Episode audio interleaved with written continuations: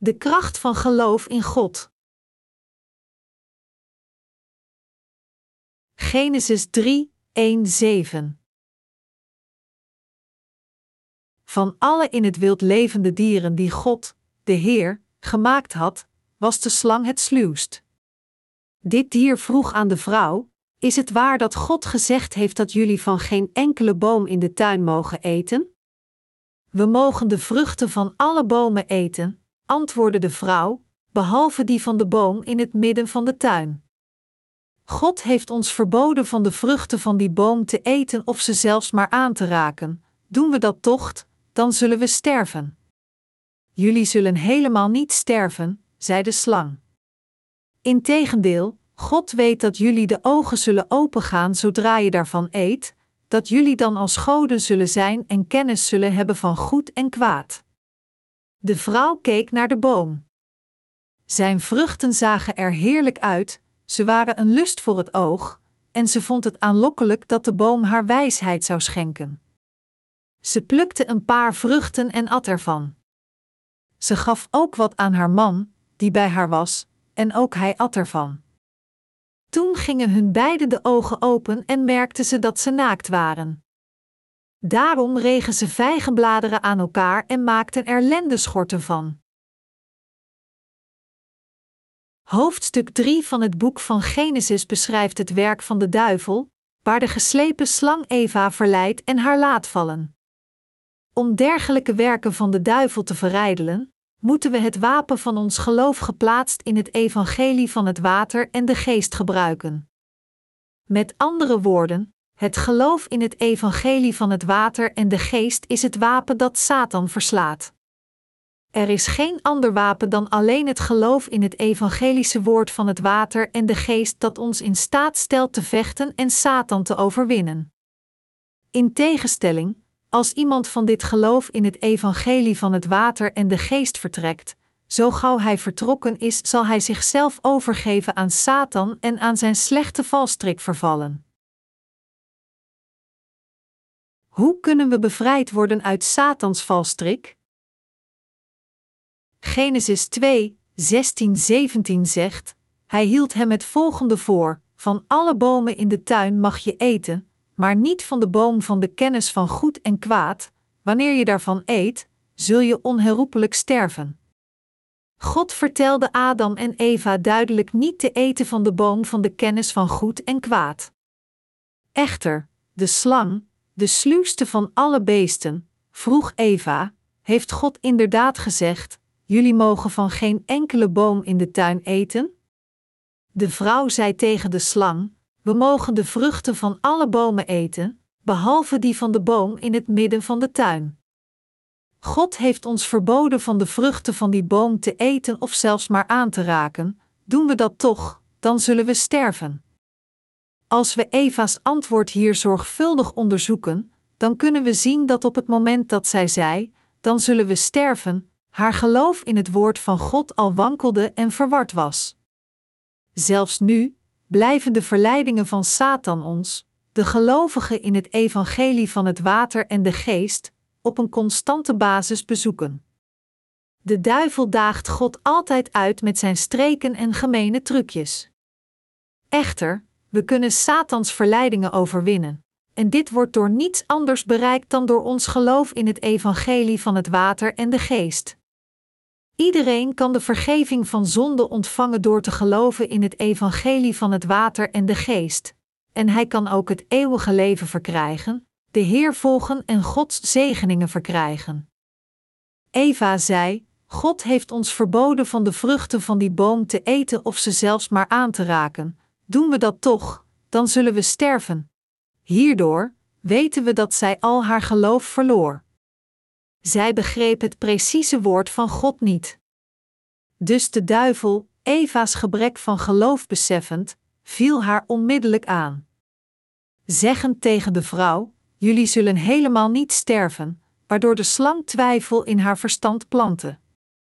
Toen Eva's verstand beplant werd met woorden die haar aan God liet twijfelen, negeerde zij uiteindelijk zijn woord en at het fruit van de boom van de kennis van goed en kwaad. Mijn medegelovigen, Het is als mensen niet geloven in het evangelische woord van het water en de geest, het woord van God, dat hun harten wankelen. God maakte de mensheid een beetje lager dan engelen. Anders gezegd, de mensheid staat een stap achter de duivel. Per slot van rekening, is de duivel niet een gevallen engel? Het boek van Jesaja schrijft het volgende over de gevallen engel Lucifer: O morgenster, zoon van de dageraad, hoe diep ben je uit de hemel gevallen? Overwinnaar van alle volken, hoe smadelijk lig je daar geveld? Je zei bij jezelf: Ik stijg op naar de hemel, boven Gods sterren plaats ik mijn troon. Ik zetel op de toppen van de Safon, de berg waar de goden bijeenkomen. Ik stijg op tot boven de wolken, ik even naar de Allerhoogste, Jesaja 14, 12, 14. God sloeg deze trotse engel en zijn aanhangers neer, en het is deze engel verdreven uit de hemel die Satan is, de duivel. Verdreven naar het domein van de aarde, misleidde Satan de mensheid om tegen God in te gaan, wetend dat God hen volgens zijn evenbeeld had gemaakt. Het wapen van de zegen is het evangelie van het water en de geest. Waarom hebben we het geloof in het evangelie van het water en de geest nodig?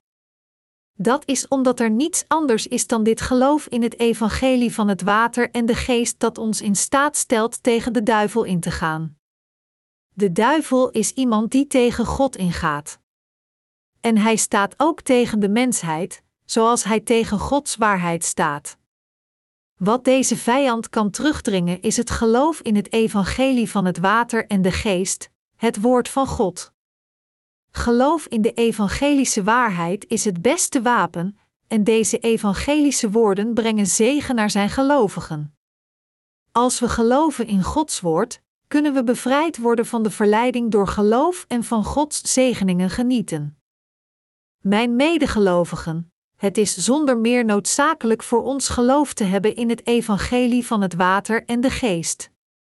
Wij zijn niet zonder dit geloof in het evangelie van het water en de geest. Ik smeek u alle te geloven in de rechtvaardigheid van God en te geloven in het evangelie van het water en de geest. We kunnen alle triomferen als we geloven in Gods rechtvaardigheid, maar als we dit niet doen, dan zullen we vernietigd worden door Satan. Zodat iemand een correct geestelijk leven kan leven, moet hij geloof hebben in het evangelie van het water en de geest, het evangelie van God. Er is geen andere manier.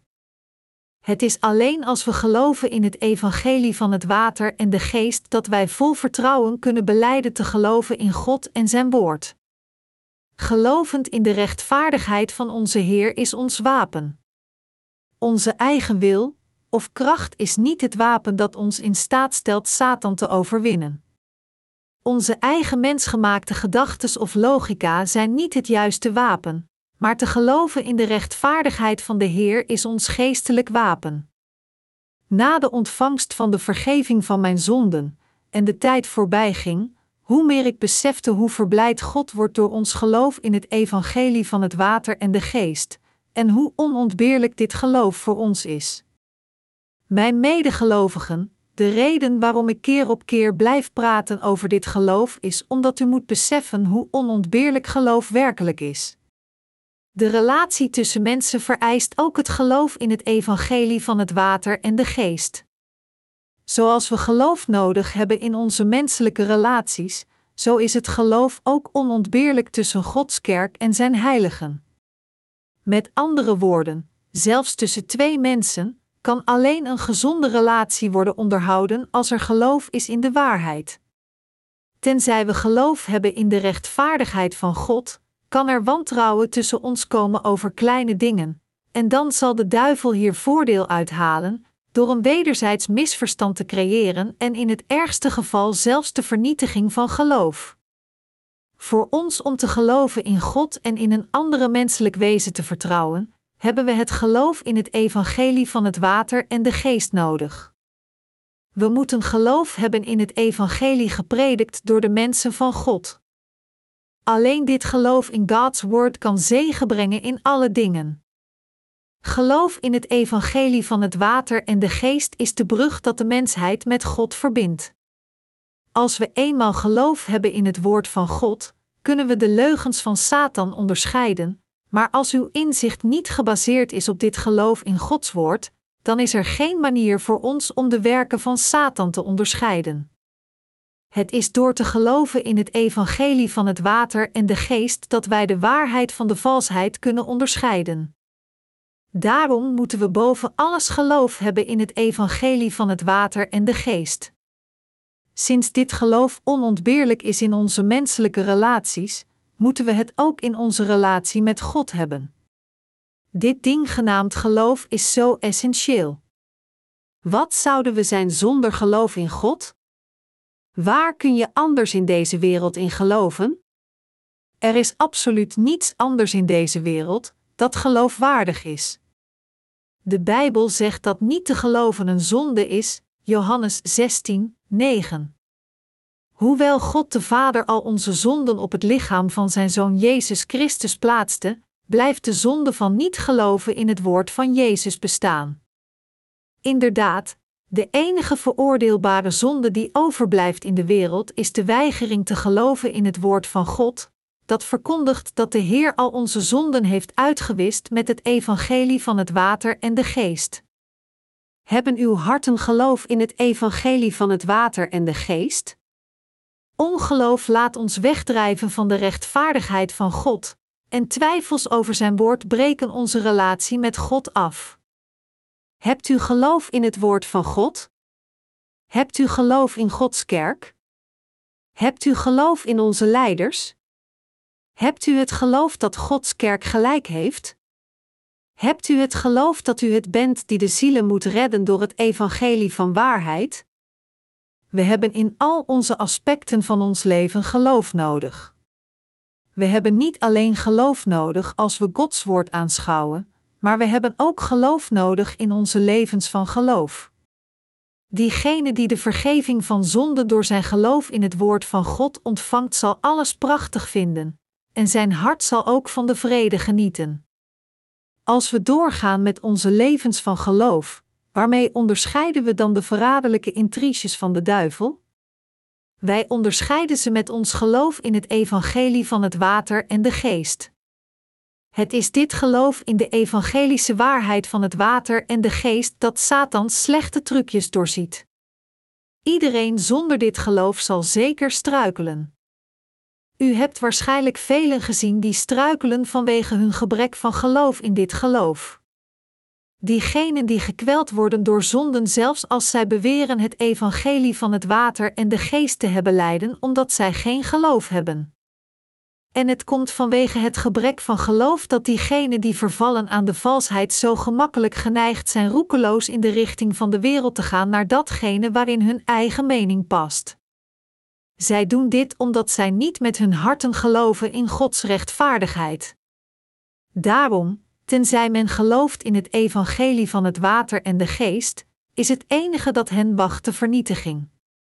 Geloof in het evangelie van het water en de geest, waar wij in geloven, is zo onontbeerlijk aangezien men compleet gered wordt van zijn zonden en Gods kind wordt door te geloven in dit evangelie van waarheid. Maar als men van de andere kant niet gelooft in dit evangelie van waarheid, dan zal hij compleet Gods vijand worden. Als we tegenwoordig stoppen bij een christelijke boekwinkel, dan zien we allerlei soorten rommel, het papier niet waard waar het op gedrukt is. Als we dergelijke christelijke boeken analyseren geschreven door de niet wedergeboren kerkleiders of theologen, dan kunnen we zien hoe ver hun werken afwijken van het woord van God. Sinds zij niet de kennis van de rechtvaardigheid van God hebben, noch het ware geloof hierin, kunnen zij niet anders dan dergelijke rommel te produceren.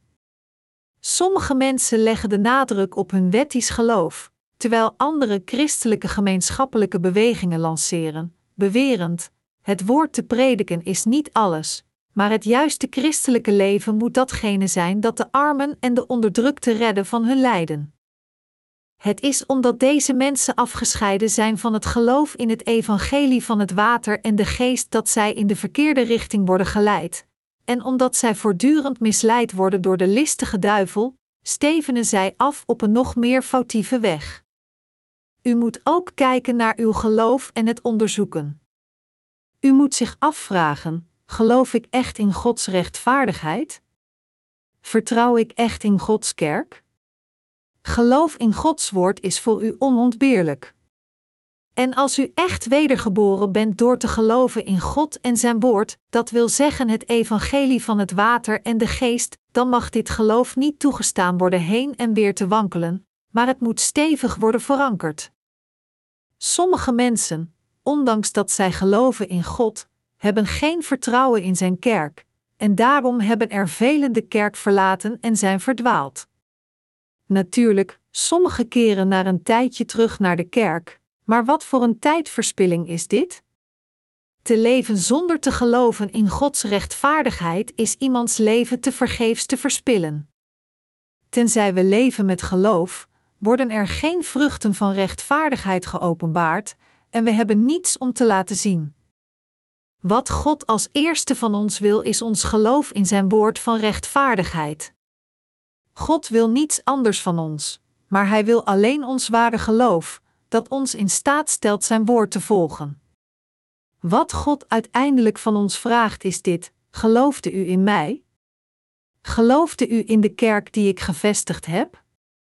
Geloofde u in de dienaren die ik aangewezen heb? Geloofde u dat ik u van uw zonden heb gered? Geloofde u in dit woord van de geschriften? God vraagt van ons dat we ja zeggen op deze vragen van geloof. Als we dit geloof niet kunnen opbrengen, dan zijn we te ontoereikend en daarom als we gewogen worden op Gods weegschaal, zullen we worden gedisqualificeerd.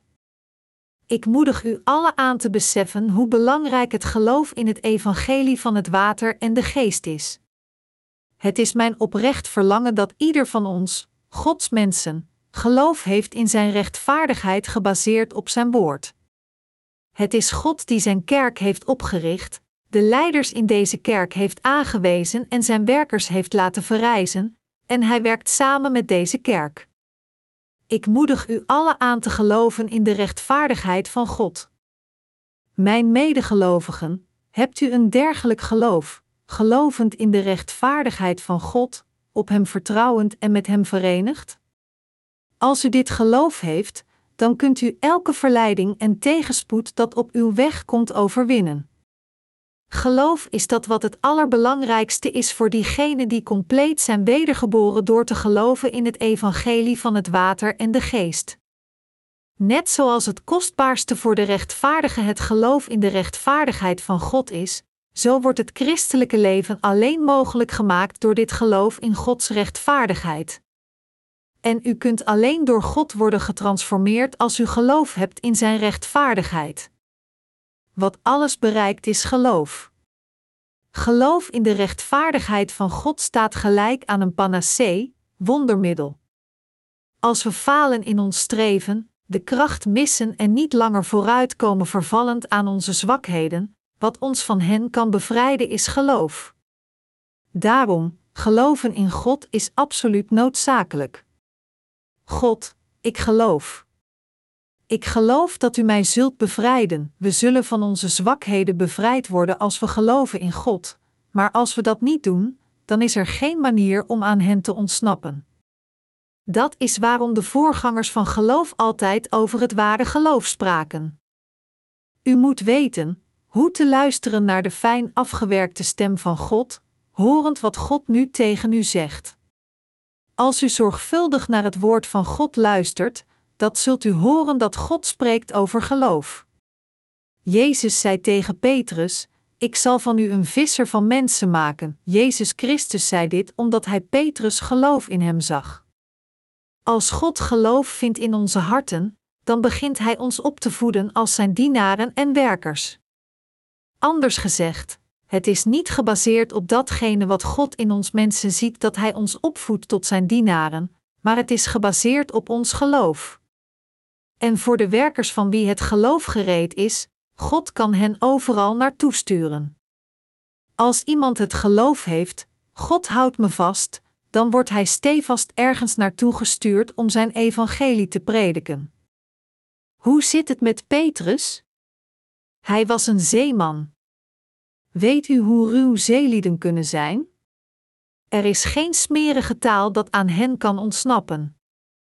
Ze vloeken zoveel dat als er een wedstrijd zou zijn, zij gemakkelijk de eerste prijs zouden winnen. Dat is omdat om te overleven op de ruige zee, ze zelf ruig moeten zijn. Als een opkomende storm begint samen te trekken boven de zee, dan moeten zij voor anker gaan en hun boten samenbinden om te voorkomen dat zij schipbreuk lijden. We kunnen ons voorstellen hoe een vader met zijn zoon spreekt terwijl ze gehaast hiermee bezig zijn. De vader zou tegen zijn zoon kunnen zeggen: Schiet op, uitschot, en de zoon zegt dan: Lazer op. Bemoei jij je met je eigen zaken? Dat is omdat als zij maar iets te laat zijn, hun boot zal zinken. Als de golven op hen neerkomen, kunnen ze bijna niet horen wat ze zeggen terwijl ze proberen de boten samen te binden. Dus vloeken zij, omdat zij geen zacht gesproken woorden kunnen verstaan, en tijdens al dit gevloek communiceren zij met elkaar. Petrus was een dergelijke zeeman, en dit is de soort van man dat Jezus ontmoette. Petrus was een onwetende man. Echter, de Bijbel schrijft dat diegenen die deze Petrus als een gewone en ongeleerde man beschouwden verbaasd waren hem het woord van God zo moeiteloos te zien prediken. Handelingen 4 uur 13. Door zijn bescheiden afkomst was Petrus inderdaad een onontwikkelde man die zich moeilijk kon uitdrukken, maar als we kijken naar zijn twee brieven, 1 en 2 Petrus, dan zien we het diepgaande woord van God in hen geschreven. Zijn brieven zijn met zoveel inzicht geschreven dat we ons afvragen: werd dit echt geschreven door een zeeman? Petrus sprak over dergelijke diepgaande dingen dat de mensen verbaasd waren en het moeilijk vonden te bevatten dat hij deze twee brieven geschreven had. Het kwam door Petrus' geloof in Jezus Christus dat God zijn diepgaand woord van geloof sprak. Petrus' kennis kwam door zijn geloof in Jezus Christus. Het was dit geloof in Jezus Christus dat Petrus tot zijn leerling maakte. Geloof is zo krachtig. Geloof is absoluut onontbeerlijk. Petrus werd een visser van mensen omdat hij geloofde in dat wat de Heer zei: Ik zal van jou een visser van mensen maken, wat God ook tegen ons zegt: Het zal zonder twijfel gebeuren. Maar het is alleen als we het met geloof in onze harten accepteren dat wij kunnen getuigen dat het woord van God precies zo vervuld wordt als het is. U moet begrijpen hoe belangrijk geloof is. Al de dienaren van God beschreven in de Bijbel hadden geloof. Als dit het geval is, dan moet ook u geloof hebben in God en in alles dat Hij zei. Alleen dan kunt u uw harten met God verenigen en Zijn werk doen. Mijn medegelovigen, gelooft u echt in God? Gelooft u echt in Zijn woord? Hebt u geloof in Gods kerk en in de dienaren die de God vrees? Diegenen die een dergelijk geloof hebben zijn gezegend. Victorie. We kunnen alleen winnen als we geloof hebben. Ons geloof in de rechtvaardigheid van de Heer is ons wapen. God werkt in onze levens als we in Zijn woord geloven en Hem vertrouwen. God werkt niet door ons als we niet in Hem geloven, maar als we inderdaad in God geloven, dan werkt Hij door ons, en daarom worden Zijn werken en zegeningen door ons geopenbaard. Tenzij we geloven in God, zullen we aan de zonde vervallen. Omdat niet te geloven een zonde is, alles dat gedaan wordt zonder geloof staat gelijk aan zonde en dat is waarom ongelovigen niet bevrijd kunnen worden van hun zonden. We moeten werken met geloof. We moeten leren geloof te bereiken door alle dingen. Het is ons geloof in God dat ons naar een zegenvol leven leidt. Door wat is de zonde ontstaan? Het is begonnen door niet te geloven in Gods woord. Hadden Adam en Eva geloofd in God, dan zouden zij niet gestruikeld zijn door de intriges van de duivel. We moeten ons dit herinneren. Echter, door te geloven in de ongeziene God en door te geloven in het woord van deze God, is de zegen naar onze levens gekomen. Alleen het geloof in het woord van God is de ware goedheid. Hoofdstuk 3 van het boek van Genesis onderstreept hoe belangrijk het is te geloven in Gods woord. Hadden Adam en Eva absoluut in God geloof en op zijn woord vertrouwd zonder te vervallen aan hun eigen gedachten, dan hadden zij tegen de duivel kunnen ingaan toen hij kwam om hen te verleiden, zeggend: Waar heb je het over? Stop met het spuwen van dergelijke onzin. Belaster God niet. God is niet slecht. Ik geloof in Hem. Eva zou ook gezegd hebben: Als ik eet van de boom van de kennis van goed en kwaad, dan zal ik onherroepelijk sterven, en dan zou de duivel weggevlucht zijn, beseffend: Oh nee. Ik probeerde te misleiden, maar mijn trucjes werken niet. Echter, Eva zei in plaats daarvan: Dan zullen we sterven, en dus dacht Satan: Ja. Jij gelooft niet in Gods woord. Jij bent nu mijn prooi. En de duivel blies zoveel twijfels in haar hart als hij wilde. Dus de duivel zei: God weet dat jullie de ogen zullen opengaan zodra je daarvan eet, dat jullie dan als goden zullen zijn. Eva werd hierdoor verleid en at uiteindelijk van de verboden vrucht, en ze liet Adam er ook van eten. Hierdoor kreeg de mensheid een standaard van goed en kwaad die anders is dan die van God. Maar is er ware goedheid in de mensheid? Nee, het enige dat de mensheid heeft is slechtheid. In feite hebben we geen bekwaamheid om goed en kwaad te onderscheiden, en er is niets correct aan onze standaard. Als we de standaard zouden hebben om zelf goed van kwaad te onderscheiden, zou dit dan niet betekenen dat wij niet verschillend waren van God? Doordat de menselijke wezens hebben gegeten van het fruit van de boom van de kennis van goed en kwaad, hebben zij God verlaten en zijn zelf op de stoel van oordeel gaan zitten. We moeten ons hier herinneren dat de duivel neergeslagen werd precies voor dit soort van arrogantie, voor het proberen om als God zelf te worden. Alleen God is degene die door zichzelf bestaat, alleen Hij is waar en alleen Hij is goed. Alleen Zijn woord is de onveranderende waarheid, en alleen Zijn woord is juist. Anders gezegd, alleen God kan goed van kwaad onderscheiden, en het is Zijn standaard dat de absolute standaard van goed en kwaad in deze wereld bepaalt. Omdat de duivel zelf faalde om als God te worden, is hij nu ons aan het ophitsen om te vervallen aan ongeloof, om daarmee Gods hart pijn te doen die van de mensheid houdt. In plaats van zelf voorop te staan, hitst de duivel ons op om God uit te dagen. Dit is de intrige van de geslepen duivel. Sinds hij al verdoemd is, wil hij ons met zich meenemen. Mijn medegelovigen, alleen het geloof in God is goedheid. Als er enige goedheid in ons mensen zit, dan is het als we geloven in God en in Zijn woord vertrouwen. Niets anders dan niet te geloven in God is slecht. Ieder van ons moet het geloof hebben dat God zorgt voor en de levens van zijn mensen leidt, van onze broeders en zusters die hier deelnemen aan de missieschool tot zijn aangewezen werkers. God leidt ons in overeenstemming met zijn tijd, voorziet ons met onze noden in zijn tijd, traint ons in zijn tijd en bevrijdt ons van onze zwakheid in zijn tijd. We blijven hier niet in dezelfde plaats voor eeuwig zoals we zijn, stilstaand als ongelovige wezens. Op een dag zal God u transformeren. Het is geloof dat u en mij laat leven. Dit is waar de geschriftenpassage van vandaag over praat. We hebben hier gelezen en gezien hoe Adam en Eva aan de verleidingen van Satan vervallen zijn door niet te geloven in God. Hetzelfde geldt voor u en mij, wij zullen ook aan de verleidingen van de duivel vervallen als we niet geloven in God. Het prediken van het evangelie aan de zielen wordt ook alleen mogelijk gemaakt door geloof.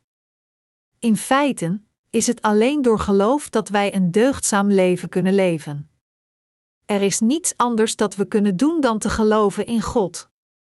En we moeten beseffen dat als we trachten Gods werk te doen, omdat we gemotiveerd worden met een verlangen om door anderen geprezen te worden, of als we alleen willen werken onder gunstige omstandigheden, dan zullen we niet in staat zijn iets te doen. Omdat geloof groeit als we opstaan om de uitdaging aan te gaan, moeten we beginnen en Gods werk uitvoeren door te geloven dat onder alle omstandigheden de wil van God zeker zal worden volbracht. Als we hoofdstuk 3 van Genesis lezen en de oorzaak achter de val van Adam en Eva analyseren, dan zullen we beseffen dat zij vervielen aan de zonde omdat zij niet geloofden in God. We moeten ons herinneren dat tenzij wij geloven, wij ook gemakkelijk aan de zonde kunnen vervallen. Maar wat gebeurt er als we geloven in God? Dan worden we bevrijd van onze zonden. Wij geloven in God, die door onze ogen niet gezien kan worden. En wij geloven in Zijn woord. Mijn medegelovigen, het is dit geloof in God dat ons compleet maakt. Wij zijn er volledig van overtuigd dat God ons zijn gelovigen zal zegenen. En we zijn ervan overtuigd dat door ons geloof veel zielen gered zullen worden. Wij geloven dat Gods kerk over heel de wereld door geloof gevestigd zal worden. Wij geloven dat door te vertrouwen in God, alles voor ons voorzien wordt en al onze noden vervuld worden. Wij geloven dat onze levens prachtig zullen zijn door geloof. Wij geloven dat door ons geloof in God wij wijs zullen worden. Wij geloven dat of onze levens wel of niet rechtvaardig, wijs en prachtig worden, afhangt van ons geloof. Geloof in het evangelie van het water en de geest leidt ons naar een prachtig leven. Op het einde van onze reis, als we terugkijken op onze levens, zullen we beleiden dat ons geloof in Gods dienaren, in Zijn kerk en in Zijn woord onze levens prachtig getransformeerd heeft. Wij geloven in de rechtvaardigheid van de Heer.